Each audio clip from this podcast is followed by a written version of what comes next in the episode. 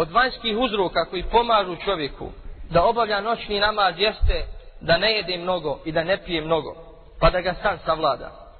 Neki od pobožnjaka su govorili, nemojte mnogo jesti, misli se noću, pa da mnogo pijete i da mnogo spavate. Allahu poslanik sallallahu alejhi ve sellem je rekao jednom od svojih ashaba: "O ti, ne spavaj noću dugo, jer dugo spavanje noću će čovjeka učiniti siromašnim na sudnjem danu, to jest ostaće bez dijela, neće imati šta donijeti na onaj svijet, kada neće koristiti ni imetak ni sinovi, nego samo ono što je čovjek pripremio od dobrih dijela s iskrenom namjerom. Od stvari koje pomažu čovjeku da ustane na noćni namaz jeste spavanje poslije podne ili prije podne, takozvana kajlula, praksa Allahu poslanika sallallahu alaihi sallam, to je spavanje da bi se čovjek lakše naspavao noću, ako se danju umori i da bi mogao činiti Allahu Đelešanu i badet.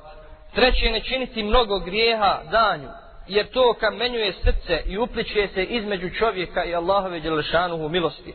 Neki su se požalili Ibn Mesudu radijallahu anhu i rekli mu ne možemo da obavljamo noćni namaz.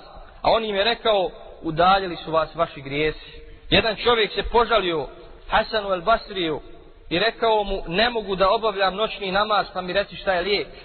A na to mu je Hasan el Basri rekao nemoj prema Allahu griješiti danju pa ćete on pred sobom noću probuditi.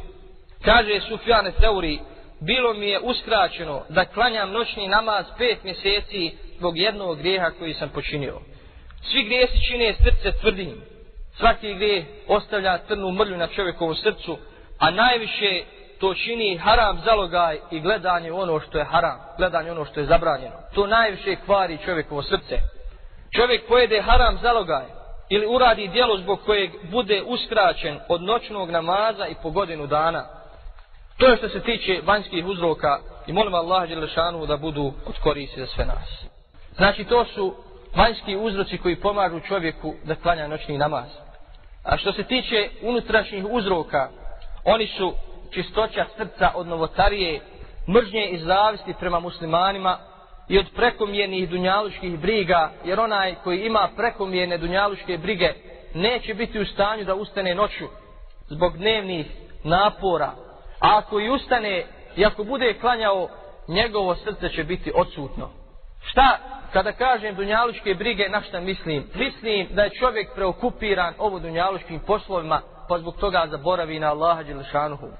Preokupiran je koje kakvim poslovima od kojih će zaraditi dinar ili dolar, pa ga to preokupira i ne može da se sjeća uzvišenog Allaha Đelešanuhu. Drugi uzrok je strah od uzvišenog Allaha i kratkoća nade u život, to jest nada u kratak život.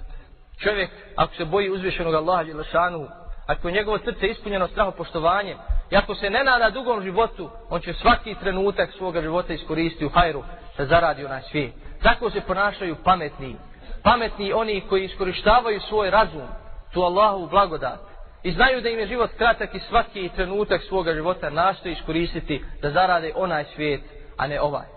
Prenosi se od Abdullah ibn Rawahe da je rekao čovjek kada se sjeti dženeta još mu se više poveća žudnja za njim, a kada se sjeti vatre nestane mu sna.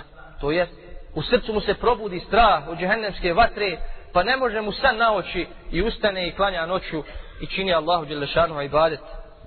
Čovjek da bi klanjao noćni namaz treba da zna njegovu vrijednost. Treba i da mu budu na umi oni hadisi i hajti koje smo spominjali o vrijednosti noćnog namaza.